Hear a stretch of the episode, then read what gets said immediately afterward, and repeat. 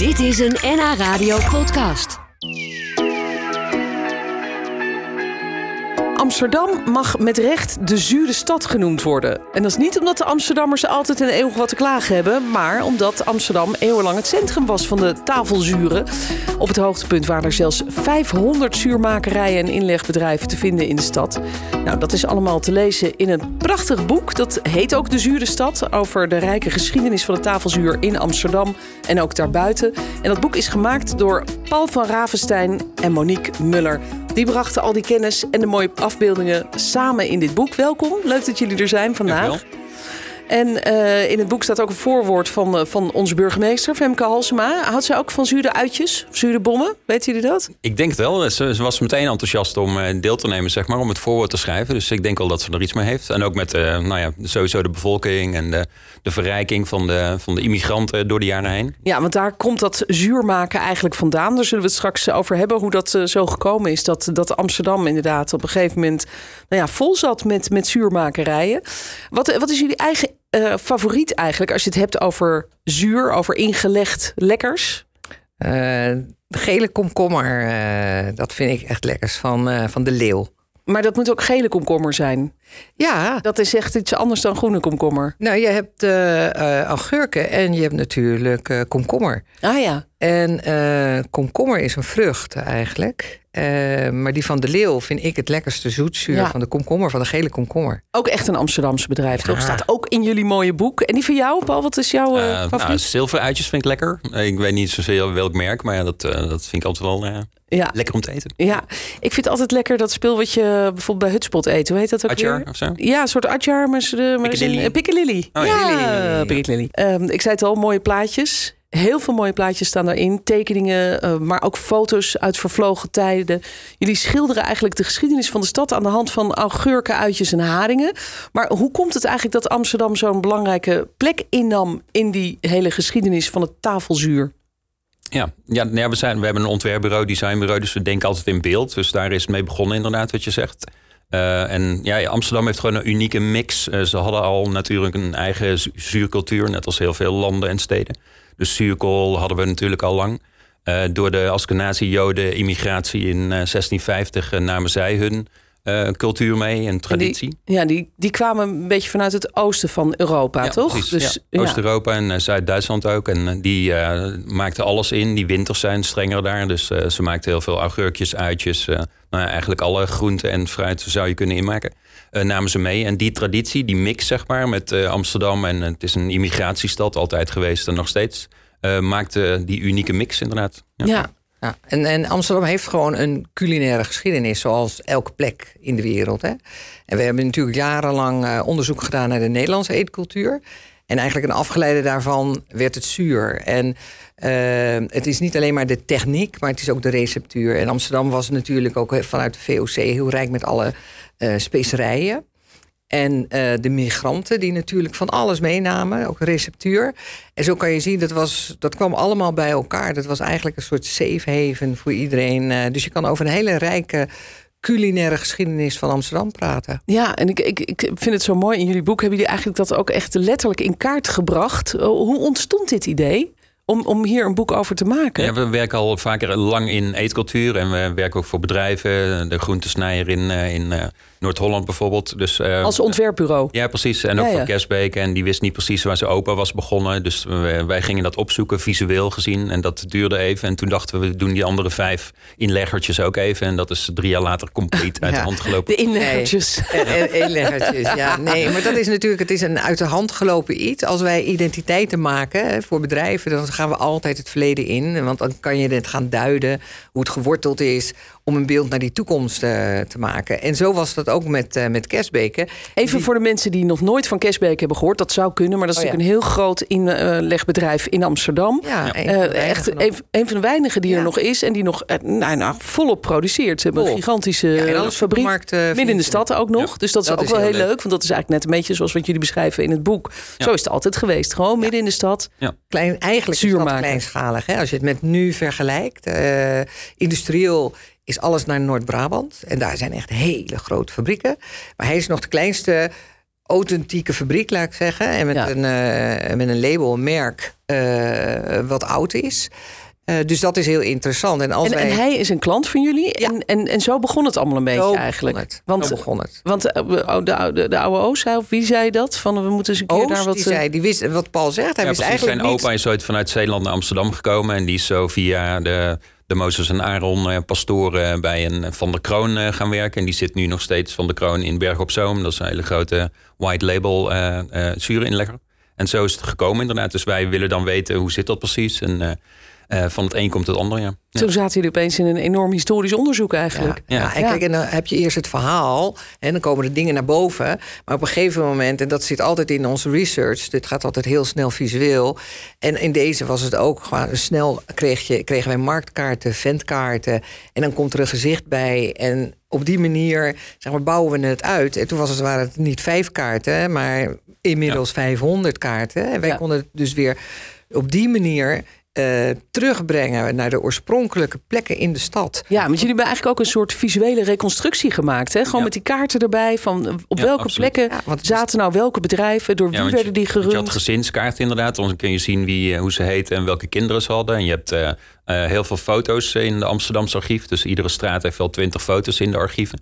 Dus als je dan eh, dat combineert met stamboomonderzoek ook nog... dan is het eigenlijk een puzzel die na drie jaar pas bij elkaar komt eigenlijk. Wat grappig. Dus jullie hebben eigenlijk een hele nieuwe kaart van Amsterdam gemaakt, maar dan op, Ja. aan de hand van zuurmakers. Ja, Ja, precies. helemaal. En ja, de het is ook geschiedenis zo... van Amsterdam door en- de ogen van Augurk. Ja, de, de ogen van Augurk. Ja, En vanuit het de bestaat Portje ook niet meer, Augurken. want dat is helemaal gesaneerd. Hè? Dat is, Ja. De wijken bestaan allemaal niet meer. Dus Nee, dat is ook zo. Het is Ja. een reconstructie Ja.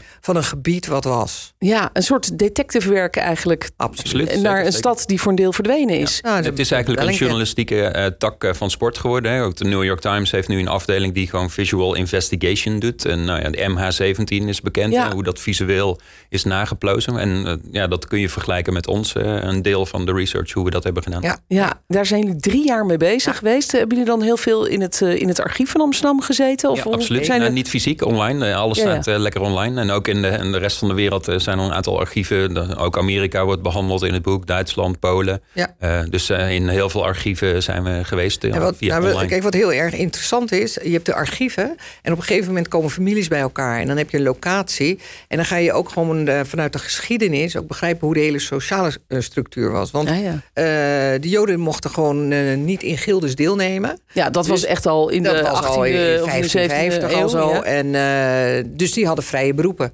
En dat waren, ze waren bankier, of ze zaten in antiek en, eh, en kunst. Of in juwelen en stenen, of de augurken. Oh ja? Ja, en Ja. die augurken. Dat was de keuze die ze hadden. Ja, Ja, dat, was, eh, het vrije Dat was een vrij beroep. Dat was een vrij beroep. Ja. Dus dan ging je Ja. venten op straat. En Ja, met dat- van die zuurkarren. Hè? Daar, daar hebben jullie ook eh, mooie tekeningen, maar zelfs ook een paar foto's van. Ja, van kan je eh, nagaan, maar het was heel zwaar. Hè? Met al die potten, die witte eh, porseleinen potten waar het zuur in zat... moest je die bruggetjes over in Zo. Amsterdam. Dat is echt dat is Heftig. gigantisch ja, heftig werk. We hebben het over tafelzuur vandaag. Naar aanleiding van het boek De Zure Stad. Een boek geschreven door Paul van Ravenstein en Monique Mulder. Zij zijn vandaag bij ons in de studio om te vertellen over ja, eigenlijk de geschiedenis die zij hebben gereconstrueerd van Amsterdam. Aan de hand van augurken en ingelegde uitjes. Aan de hand van de vele, vele inleggerijen die er geweest zijn. Op het hoogtepunt waren dat er 500, zag ik. 500 Ja, het inlegbedrijven. waren 500 venters, inderdaad, die we gevonden hebben. En 50 inleggerijen. Zo. Ja. Dus die hele stad stikte ervan eigenlijk. En ja, ja we hadden nagaan hoe het geroken heeft. Ja, lekker zuur. We krijgen heel veel leuke appjes binnen van luisteraars die, eh, die ook graag een zuurtje eten. Bijvoorbeeld, vind ik wel een goede bij Amsterdamse ossenworst. En Ja. dan eh, zo'n uitje erbij. Ja, een mooie combinatie. Ja, heerlijk. En natuurlijk bij de haring. Ja, wat bijzonder is met de haring in Amsterdam. Eigenlijk eh, uitsluitend in Amsterdam is haring gesneden in stukjes en krijg je Ja. zuur erbij. Als je naar Den Haag gaat of Scheveningen, Moet je missen heel... eh, dan eet je hem aan de staart. Dus het is heel typisch eh, Amsterdams. En daarin zie je dus dat het ook weer een traditie is. Hè. Je, het wordt daar gesneden en ook de stukjes vanuit de armoede. Want je deelde één haring met de hele familie en iedereen kreeg dan een, een, een stuk zuur erbij. Oh, daar komt dat vandaan. Daar komt ja. het vandaan. Ja, de- Zo kan je dus aan de hand van eetcultuur, traditie, kan je achterhalen hoe hebben mensen gegeten, hoe, hoe waren de gebruiken. En dan zie je uit welke sociale laag ze ook komen. Ja, was het dan met die zuurkarren bijvoorbeeld uh, ook de bedoeling of het, uh, gebruikelijk dat je gewoon op straat dacht, nou, zoals wij nu een patatje misschien halen, uh, ik ga even een zure bom halen ja, bij de kraam? Ja, het was gewoon echt een lunch. Dus misschien nog wel serieuzer dan even dit of een tussendoortje. Maar voor veel mensen was het gewoon echt een, een maaltijd. Als je ja. een hele zure bom had, dat is een serieus stuk uh, groente. Ja. Heel gezond, hè? Ja, Toen dat wisten is ze dat ook al. Ja. Uh, het is natuurlijk net als wat we nu weten, ze hebben het gewoon goed voor je darmen, die probiotica wat erin zit. En je hebt wat groente binnen. Ja. En toen wisten ze ook al van je neemt een zure bom op een dag.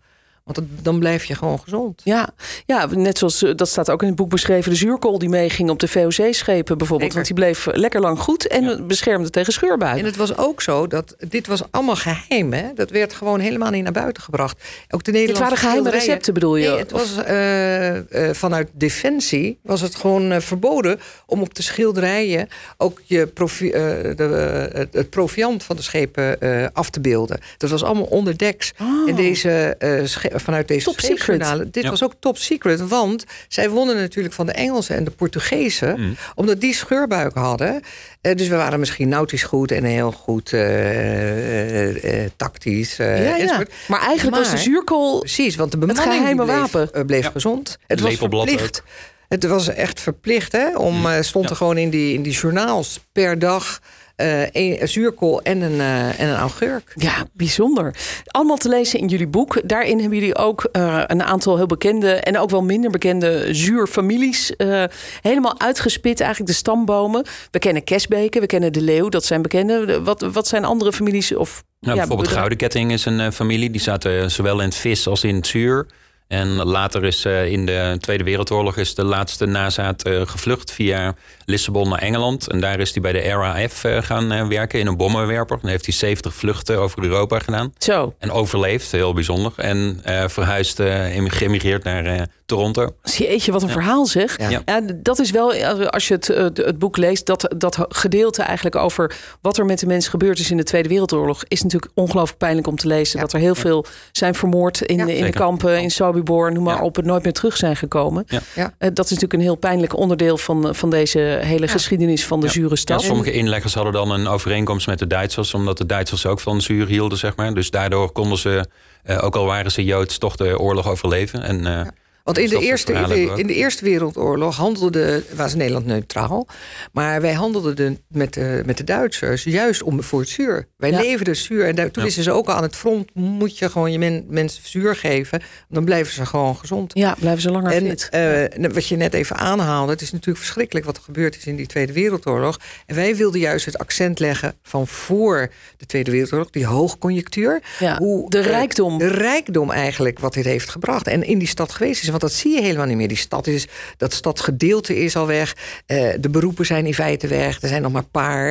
Eh, de fabriekjes die zijn Ja, al weg. Dus het leeft niet meer. En, en, en door deze zoektocht, dan kwam je eigenlijk erachter, hè, sociaal, demografisch en economisch, wat een rijke cultuur dit en je had geweest daar een is. bokschool, eh, Olympia, midden in de Jodenhouttuinen. En Ja. een theater, tip-top theater. Dus het was gewoon een volledig rijk leven. Met Dus op een gegeven moment dan kleur je het in, dan voel je ineens gewoon die stad. En als wij dus brieven lazen van die eh, conservator Ja. uit het stedelijk, hè, meneer Ja. Brandt. Ja, dat was een hele chique meneer uit die- eh, 1900. Precies, en die schreef ook echt het, hè, dat het een soort Medina was. Een heel exotisch, waar die naar toe ging. En dat was een soort safari. Een soort markt. en eh, het was een ja. markt en de drukte. En ze leefden Ja. buiten. En het was een Cairo, net wat je zegt. Maar het is, als je dus weer terugdenkt... Ja, de, de omstandigheden, hoe die mensen daar leefden. Die huizen, de, de, de ratten liepen er, de, de, de kakkerlakken. Dus tuurlijk leefde je buiten. Dat ja, is, ja, maar is dit, is dit boek voor jullie dan ook een soort eerbetoon eigenlijk aan die Zeker. tradities en alles wat er geweest is en wat eh, deze mensen ons gebracht hebben? En dat is natuurlijk eetcultuur. Hè? We hebben een culinary memory en een eetcultuur. En door, door dit onderzoek te doen naar die eetculturen... is het weer een ode en een eer aan de mensen... Ja. die in die tijdsperiode daar hebben, aan hebben gewerkt. En Ja, in soms moeilijke omstandigheden ook. Ook allemaal te lezen in het boek. Dat is nu klaar. Ik begrijp dat er ook nog een tentoonstelling aankomt. Tot slot, nog even Ja, kort. Dat zijn de, de, de intenties. Hè. We, we zitten, zijn nu aan het praten. Want eh, kijk, we hebben een boek, maar we hebben drie jaar research gedaan. Dus we hebben nog eigenlijk wel drie, vier, vijf andere boeken. Zoveel informatie is er.